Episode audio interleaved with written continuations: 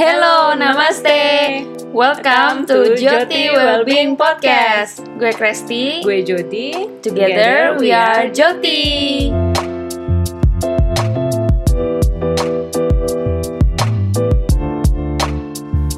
Halo, namaste. Welcome back to Joti Podcast episode ke 11. 11 ya Kres ya? Ke 11. Yes, ke sebelah. Ini kita udah season kedua. Sore. Udah masuk ke season kedua. 2. Jadi setiap 10 episode ada season yang baru, Beda season. beda season. Nah, jadi gini, di season yang pertama ini, di season kedua, kita mau bahas tentang, eh, kan sekarang kita ada beberapa teman-teman yang masih di rumah aja, ada yang beberapa udah mulai sedikit beraktivitas normal. Eh, Hmm. tuh biasanya sih yang yang apa yang mas yang nggak terbiasa dengan maksudnya bukan nggak terbiasa ya yang mereka kaget menjalani em, perbedaan dari sebelumnya itu tuh kayak kaget terus jadinya kita kayak anxious gitu kan anxious itu adalah kayak Hmm. kita cemas ya jadi Ya, karena- cemas. ya cemas Worry, jadi, worry. jadi kalau yang mau keluar rumah juga worry nanti di jalan gimana ya gitu yang di rumah pun juga worry aduh sampai kapan sih ini harus di rumah sampai kapan harus tetap Benar, uh, begini-begini aja nggak ketemu teman-teman gitu kan walaupun kita sempat ketemu sih ya di Ah, ah, ah. sosial media atau kita Virtual, ya. virtual gitu tapi kan tetap rasanya beda ya karena kita manusia adalah makhluk sosial Betul, betul. Ya, eh, untuk singkatnya aja ya kita brief kasih tahu anxiety itu apa sih yang lebih penjelasan ilmiahnya gitu ya. Walaupun kita berdua bukan bukan ini ya, bukan sarjana psikologi. Kalau salah mohon maaf ya, disclaimer dulu. Jadi gini, kan aku baca di website Psychology Today, ada dari profesor uh, psikologi, dia psikolog gitu, namanya Noam Spencer, PhD dari Ohio. Dia bilang, anxiety is a persistent apprehension regarding potential future threats. Jadi dengan kata lain, itu perasaan yang muncul dari manusia ketika Hmm. kita uh, istilahnya kayak baru mau mau pergi perang gitu sehari besokannya kita mau pergi perang nah terus malamnya kita tuh anxious gitu perasa- perasaan kayak gitu kalau di istilah modern istilah modern sih yang kayak besok misalnya mau jalan-jalan ke luar negeri ke mana gitu terus malamnya nggak bisa tidur itu juga Anxious. ya anxious tuh kayak begitu perasaan Kalau zaman kita sekolah tuh kayak eh, besok mau ujian, terus kita udah Hmm. belajar, udah persiapin, terus eh, kita udah bolak-balik lihat apa ya, lihat. Biasanya kan kalau ujian di Indonesia kan kita suka bawa kartu ujian, terus tempat pensil tuh yang udah Iya. pensil 2B karena kita mau ngebulet-buletin. Aku nggak tahu ya anak sekarang masih kayak gitu apa enggak. Tawan deh gue anak dulu. ya kayak gitu. Jadi Iya. eh, kecemasannya seperti itu. Gitu sih. Ya. Hmm. Jadi em, kenapa nih kita bisa merasakan cemas, kita bisa anxious? Pastinya kan, pasti Mbak Jody juga pernah dong ngerasain atau pernah ngalamin an- anxiety attack tuh gimana? Coba dong Mbak ceritain Mbak. gimana ya kalau kalau zaman sekolah sih kayak gitu ya tadi aku ceritain tapi kalau udah sekarang ini kan kita hidup juga lingkungannya udah beda banget sama dulu sekolah ya di pekerjaan juga kadang-kadang Iya. eh, kita kita maunya mulus-mulus aja gitu nggak ada yang urgent-urgent gitu tiba-tiba ada yang urgent gitu pokoknya harus selesai hari ini Gak pokoknya ada harus nggak maunya yang nggak ada yang unexpected gitu kan ya. Uh-uh, maunya pokoknya- semua plan. plan Nah. gitu kan terus tiba-tiba uh, kita misalnya udah mau plan gitu nanti pulang mau ngapain tiba-tiba ini harus selesai ya hari ini gitu kan wow langsung ganti itu plan seharian itu ya contohnya gitu sih perasaan Ya. uh, paniknya langsung atau enggak kayak uh, apa sih baca berita atau apa gitu. Macam sih kalau anxious itu cuman um, kita terhadap orang lain juga bisa jadi itu anxious juga sih keras. Soalnya aku udah lama sih nggak ngerasain kayak panic attack gitu. Hmm. Jadi udah susah untuk menggambarkannya. Mungkin kayak ya Oh, oke oke. kayak stres sehari-hari aja kali ya. Misalnya kita Ah, ah, ah. mau apa ya mau misalnya lagi kerja nih terus ada yang harus diselesaikan tapi ternyata goals kita nggak berhasil. Kadang-kadang kan kalau kita anxiety tuh aku suka ngerasainnya ya kayak tiba-tiba perutku mules gitu kan. Atau disuruh tiba-tiba Hmm, presentasi kayak pengen ke belakang dulu gitu kan. Dulu itu bentuk dari bentuk dari groginya tuh kayak gitu. Kecemasan. masangnya kalau Kristi sendiri gimana? Oke. pernah nggak ngalamin juga? Pasti pernah lah ya. Pernah lah. Kayaknya aku lebih sering deh anxious gitu. Emang orangnya, kalau aku emang orangnya lumayan fidgety gitu. Jadi kayak gampang deg-degan gitu loh. Jadi eh, kan ans- anxiety ini kan faktor penyebabnya ada macam-macam kan. Kayak tadi Mbak Jadi bilang tuh ada yang dari kerjaan juga, kadang apa eh, nggak ketemu apa nggak bisa meet deadline atau juga bisa dari social pressure gitu dari apa judgement orang-orang kan atau mungkin eh, stres finansial atau karena juga pakai obat-obatan yang berlebihan itu juga bisa Uh, Iya, aku baca dari artikel Medical News Today ini. Jadi emang kalau di situ mereka bilang sih kalau perasaan anxious itu sebetulnya normal, depending on the circumstances juga kan. Kalau aku sih, ya pastinya pernah sih. Jadi kayak hal kecil aja, misalnya, misalnya nih kan kantor masuknya selang-seling, terus jadinya setiap kali masuk kantor kan jadi harus bawa mobil gitu. Ya jadinya harus mikir, oh ya besok harus bangun pagi, siapin ini, siapin itu, terus jadinya nggak bisa tidur kayak gitu. Anxiousnya bentuknya Iya kayak hal kayak- kecil itu kayak- atau oh ujian Mm. bawa apa bawa apa udah bolak balik Heeh, kayak Iya. di checklistnya tuh sebetulnya udah lengkap tapi tetap aja kan rasa cemas gitu kan kamu kayak tuh yang pakai checklist gitu ya Chris? Kamu tipe yang pakai Kalau checklist. ada event tertentu sih. Iya ya kalau ada event tertentu gitu sih. Jadi kayak misalnya mau kantor oh jangan lupa bawa ini bawa itu bawa ini bawa gitu. Jadi kayak itu yang bikin anxious kayak takut. Karena bisa ke pas kejadian besoknya kayak tuh kan bener lupa ini lupa itu gitu. Kalau aku tuh sering aku tuh sebenarnya sering banget karena nggak pernah pakai ini sih karena nggak pernah pakai checklist gitu ya. Jadi aku tuh hmm. eh, ngerasa oh ya udah. Kan ada juga ya orang yang milih baju tuh malamnya. Iya itu aku. Aku tuh enggak aku tuh aku paginya baru milih dan itu kayak ya udah asal pakai aja yang kayaknya nyambung nih. Kayaknya pengen pakai yang ini deh kayak gitu. Bener-bener kayak gitu. Hmm. jadi tuh nggak tahu ya mungkin ada seseorang yang melihat eh, yang seperti Chris itu terorganizer gitu kan. Wah dia tuh terorganize banget pagi dia udah eh, malam dia tuh udah Hmm. nyiapin besok mau bawa apa mau pakai baju apa terus besok mau pakai bek- mau mau bekal apa gitu ada yang udah kayak gitu ada juga yang kayak aku yang Iya. udah malam tuh itu nggak pernah sih terlintas di pikiran aku gitu dari kecil Kan waktu kita iya, iya, iya. sekolah tuh ada ya bawa kayak kita mau ke sekolah mau ke sekolah itu kan besoknya pelajarannya berbeda ya sama hari ini itu aku nggak pernah Hmm. beresin buku malamnya gitu aku beresin bukunya pagi-pagi malah seringnya aku ketinggalan buku Hmm. pokoknya namanya ketinggalan tuh aku dari sampai sekarang sering banget deh Iya iya itu masuk ke habit juga sih ya karena nggak Iya. biasa jadinya nggak gitu. Tapi Bener mungkin ada bagusnya kali. Kalau aku kalau aku habis jadi karena anxiousnya tuh biasanya karena kebanyakan mikir atau kayak ya social pressure gitu juga sih kadang. Eh, jadi aku pasti dari malamnya udah siapin siapin besok mau bawa apa termasuk bekal-bekal itu termasuk baju-baju itu yang mau aku pakai tuh. Pakai apa gitu. Kan jadinya ya anxious aja gitu kalau kayak eh ya ini belum bisa kayak itu.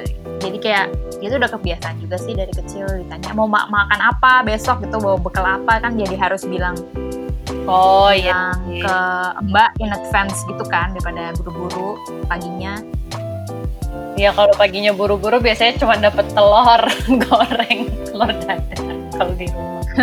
boro-boro bisa nggak bawa kali sama sekali Iya. jadinya Terus balik lagi nih ke masa stay at home gitu kan. Mm-mm. Nah itu kan beberapa orang Iya. muncul tuh. eh, tadi kan kita udah jelasin tuh kita berdua pernah lah yang namanya stay at home.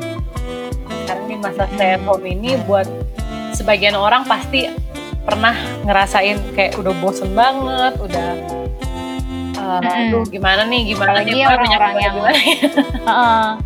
apalagi orang-orang yang ekstrovert sih kalau dari circle teman-teman aku pasti kayak aduh gue udah mulai bosen nih di rumah gue udah pengen gak sabar pengen keluar gitu tuh Iya, biasanya biasanya kan karena aku juga punya sih teman-teman yang biasanya dia tuh sering banget nongkrong gitu kan. Eh, Pulang kantor nongkrong, terus jam makan siang pasti ada ngopi. Pokoknya tuh udah kayak lifestyle-nya emang nongkrong gitu, emang atau Hmm, emang biasa di luar ya gue sering keluar rumah aja gitu kan. Terus pasif ke sekarang ini tuh kayak jadi eh, awalnya mungkin mereka kayak biasa aja ya, terus saya ke sini sini kayak bosen gitu kan. Ya gitu sih. iyalah Soalnya di, mereka nggak tahu juga kan sampai kapan nih gue harus tetap di rumah kayak gitu. iya ya kan ya tapi emang wajar juga sih kalau misalnya yang disebut new normal ini tuh bisa bikin anxious karena ya kita kan nggak bisa cenayang gimana gitu kan di luar keadaannya gitu orang-orang apakah mereka pakai masker juga atau kayak eh, sering cuci tangan enggak gitu terus apa mereka menjaga jarak juga apa enggak kan kita nggak tahu jadi kayak ya Iya. pasti wajar sih punya punya kecemasan tersendiri terhadap itu ya. Aku juga sih walaupun ya apa gimana ya? Aku juga ada gitu. Iya kadang-kadang aku anxi- juga anxiety yang kayak gitu. di, diajak pergi gitu ya terus aku kadang-kadang lebih kayak mengen gimana ya kayak lebih mendengarkan aku sendiri gitu loh aku nggak tahu ya kalau teman-teman Mm-mm. ini atau Kresti juga seperti itu jadi aku misalnya diajak pergi nih ya eh, saat itu aku ngerasanya lagi pengen pergi apa enggak gitu dulu kan ya namanya diajak pergi ya pasti pergi sih nggak usah nggak usah mikir-mikir Iya, Kalau iya. sekarang tuh Nggak mikir. yang, ke mana perginya? Biasanya kan sekarang kalau pergi udah harus ada protokolnya tuh. Kemarin aku mau nongkrong di Kroket Mm-mm. itu sama temenku itu dimintain nomor telepon gitu kan. Mikirnya udah wah nanti nih kalau ada yang tawa-tawa hehe nyembur ke sana kemari yang nongkrongnya sejam yang sama itu diteleponin satu-satu kamu tolong ya rapid test satu ini gitu kan. Soalnya ada yang kena nih. Iya. bisa jadi kan kayak gitu itu katanya protokolnya gitu. Terus pas hari H-nya itu Mm-mm. aku kayak ikut ya mereka udah pernah nyampe tuh terus tiba-tiba aku cancel sendiri gitu. Sorry sorry gue nggak jadi deh. Next time aja kalau gue udah merasa enak. Kayak perasaannya tuh kayak nggak pengen ke sana gitu. Tapi ada juga yang kayak kayak kalau belanja itu satu keharusan sih belanja. Tapi ada juga yang pengen beli kopi ke mana eh beli yuk keluar sini gitu. Ya udah kayak bawaannya tuh tenang aja gitu. Mungkin karena juga di, uh, keluarnya. Karena juga short lama, period of time juga nggak sih? Ya kan, baru dibilang. jadi Karena nggak lama periode keluarnya. gitu sih. Mm-mm. terus mungkin kalau kalau aku ini nih ya kalau kalau tadi kita omongin tuh uh, anxiety terjadi karena kita uh, apa nggak bisa prediksi ini sampai kapan gitu. Dan tendensinya manusia itu kan pengen uh, sesuatu itu sesuai planningnya mereka gitu kan Benar, benar. mau suatu hal yang pasti itu sifat manusia banget bukan sifat ya kayak udah jadi kebawaannya manusia maunya yang pasti planning gitu.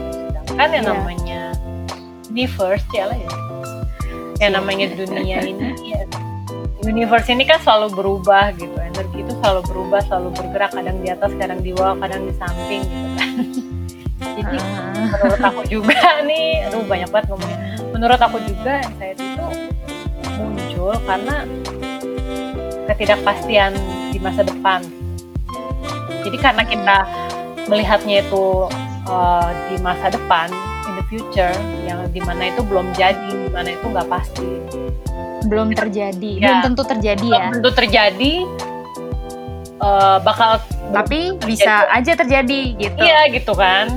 Itu kan ibaratnya kalau probability itu 50-50 gitu. Iya atau enggak. Dan yang namanya probability kejadian kayak gitu kalau dihitung secara statistik kan lebih ribet lagi gitu kan. Kalau anak-anak Iya. Ya. itulah si anxiety itu. Karena kita Mm-mm. uh, berpikirnya di masa depan. Sedangkan kalau kita aku berpikirnya di masa lalu, kita namanya depress. Kita depresi. Benar.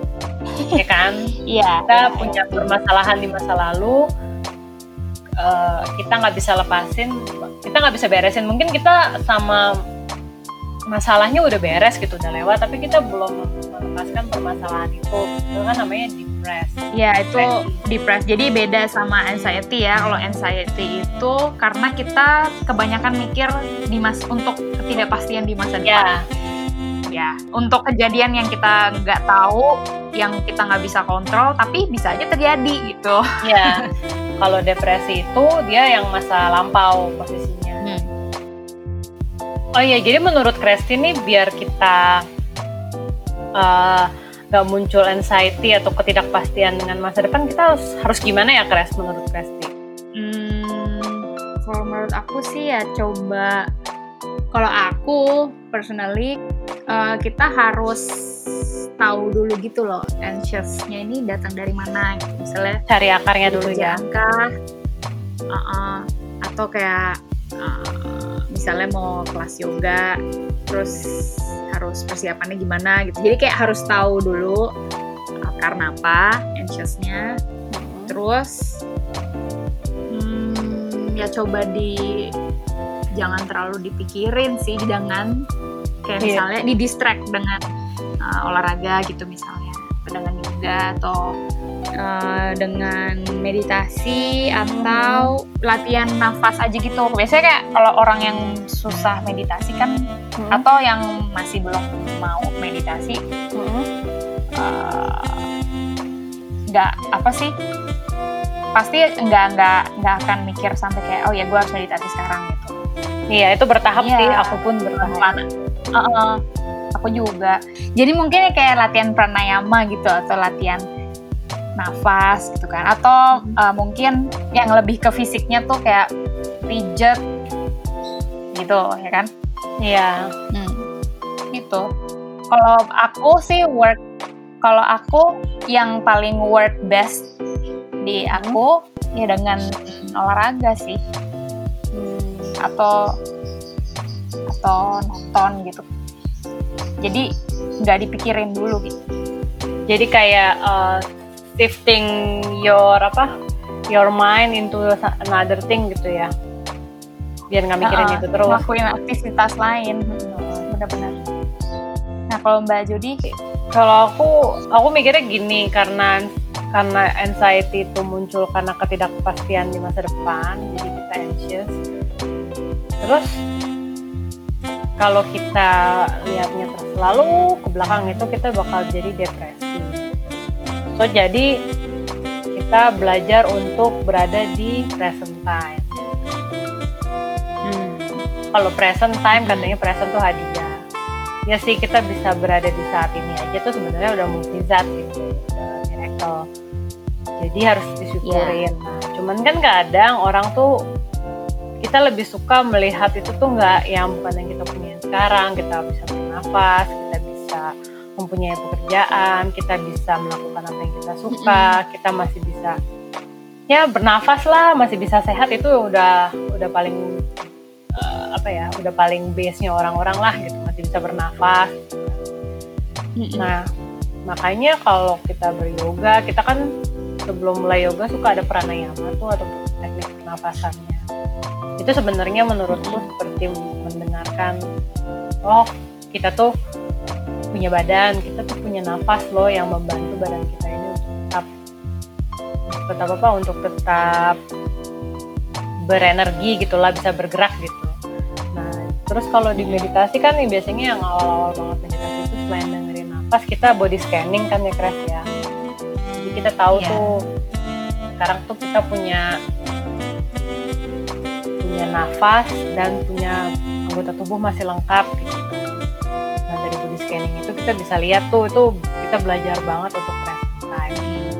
ya sih dan praktis kayak gini emang butuh waktu sih ya. Self awareness itu Betul. kayak nggak bisa diajarin sih, itu harus belajar sendiri.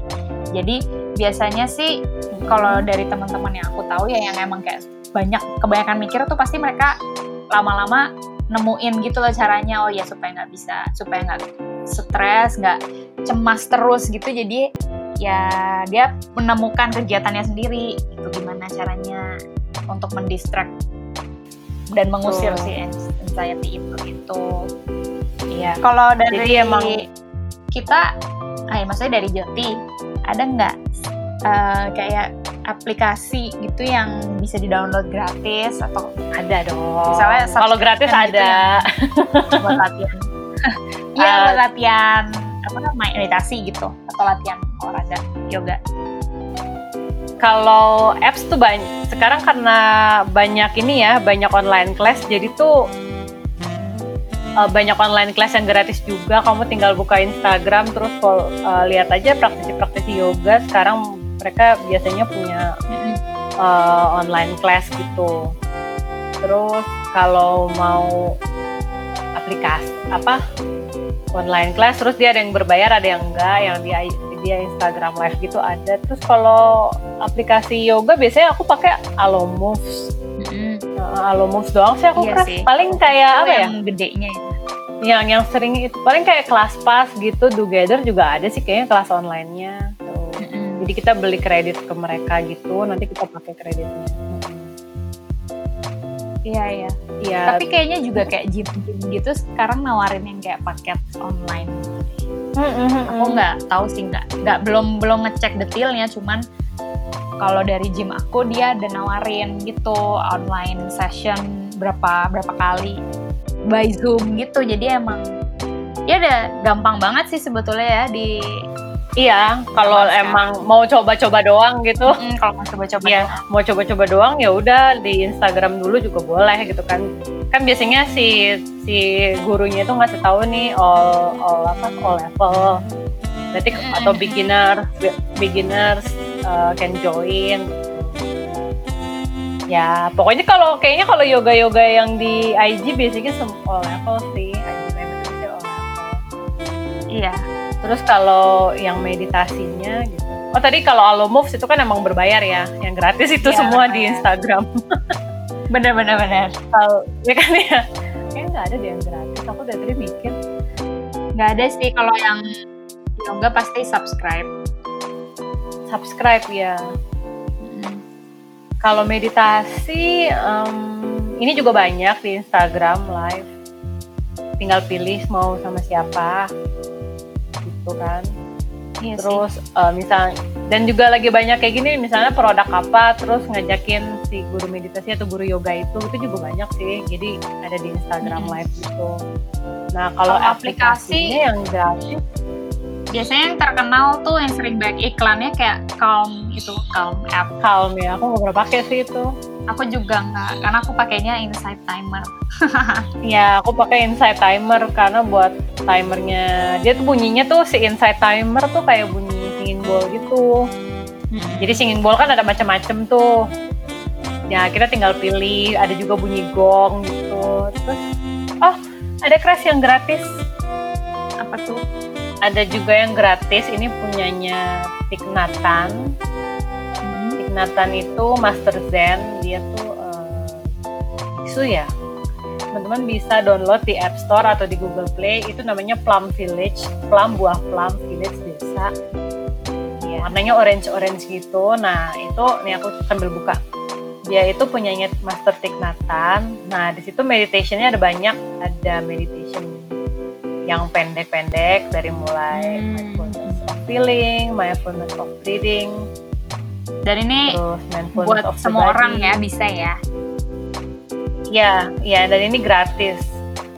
Terus eh, kan Plum Village juga banyak tuh biksunya, nggak cuma doang. Cuman masternya tuh Hanh. Ada juga yang sama Hanh-nya. Itu ada yang short, cuma 15 menit. Terus ada yang eating meditation. Ini aku belum coba sih actually. Eh, karena Hanh ini Plum Village itu ada di aslinya ada di Perancis, jadi ada yang bahasa Perancis. oh gitu Iya. Terus yang menariknya ada silent meditation-nya juga. Selain itu, kayaknya kemarin aku sempat lihat ada yang ini deh, uh, how to dwell happily in the present moment. Itu cuma tiga menit. Hmm, ya jadi Itu cocok pendek-pendek banget ya buat di. Sebetulnya nggak perlu panjang-panjang Hmm. juga ya meditasi tergantung Iya, orangnya mau berapa lama. iya. betul betul terus ada yang walking meditation aku pernah coba di studio sih bukan di bukan di puncak atau di mana Oh, pokoknya tuh enak sih Oke. jadi kita jalan tuh jalan tuh ngerasain kakinya nempel di tanah gitu deh pokoknya hmm. boleh dicoba nih Plum Village ini gra- gratis Oke. Eh, kita langsung ke summary aja ya. Episode anxiety ini. Jadi kan tadi kita sering bilang ya, kalau anxiety ini muncul karena uh, ketidakpastian di masa depan atau ya ketidakpastian di masa depan yang kita nggak bisa cenayang. Jadi uh, dan oh ya dan itu wajar kalau orang punya anxiety itu ya. Iya benar. karena namanya juga manusia pasti pikiran kita kan banyak ya. Dan kita Butuh punya kepastian. rencana rencana yang banyak dan butuh kepastian Yap. semua. Jadi yang perlu kita lakukan sih mungkin dari mulai dari kita sendiri tuh ya kita harus tahu penyebabnya apa dulu. Terus kita cari kegiatan yang cocok sama diri sama diri masing-masing tuh gimana caranya supaya kita get Benar-benar. our mind off dari kecemasan itu gitu misalnya dari ber- beryoga tadi atau dari meditasi atau ya pijet gitu atau nonton ya nggak tahu deh pokoknya teman-teman bisa cari sendiri. Tapi yang perlu aku kemarin training juga juga sama Ronantang itu dia eh, ya yoga teacher dari China gitu. Dia tuh dia tuh bilangnya gini, dia menarik banget bilangnya. Dia bilang kalau manusia itu tuh punya kuasa atas dirinya sendiri. Jadi sebenarnya apa pun yang terjadi sama kita, 95%-nya tuh dari kita sendiri. 5%-nya itu dari luar, dari orang lain, dari eh, apa? lingkungan. Nah, itu cuma lima dari lingkungan segala macam, itu cuma 5% yang punya andil lebih besar tuh kita sendiri gitu. Jadi, kalau kita bisa mengkontrol yang 5% itu tidak masuk ke dalam yang 95%, kita tuh jauh lebih bisa apa ya? State of mind kita tuh benar-benar eh, benar-benar berpijak pada kaki sendiri gitu. Itu aku mau nambahin oh jadi ya bijak banget itu Heeh. banyak banget sih dia tuh 95% yang terjadi sama kita itu itu tuh kuasa kita 95% 5% yang lagi dari luar. Itu itu buat sampai titik itu memang susah banget sih. Kadang-kadang kan kita butuh latihan ya latihan latihan, Iya. latihan terus latihan. Be in the present moment itu memang challenge-nya semua orang lah ya. Semua orang. Ya bagus. Jadi Bagus. kenapa apa pesannya? Ya bagus kan? Pesannya. Tapi aku, aku mengutip. Ya. Oke, jadi sekilas saja obrolan tentang anxiety. Semoga ber- bermanfaat ya, teman-teman. sharing hari ini See you in the next episode. Bye-bye. Stay tuned for new episodes every Tuesday. Bye-bye.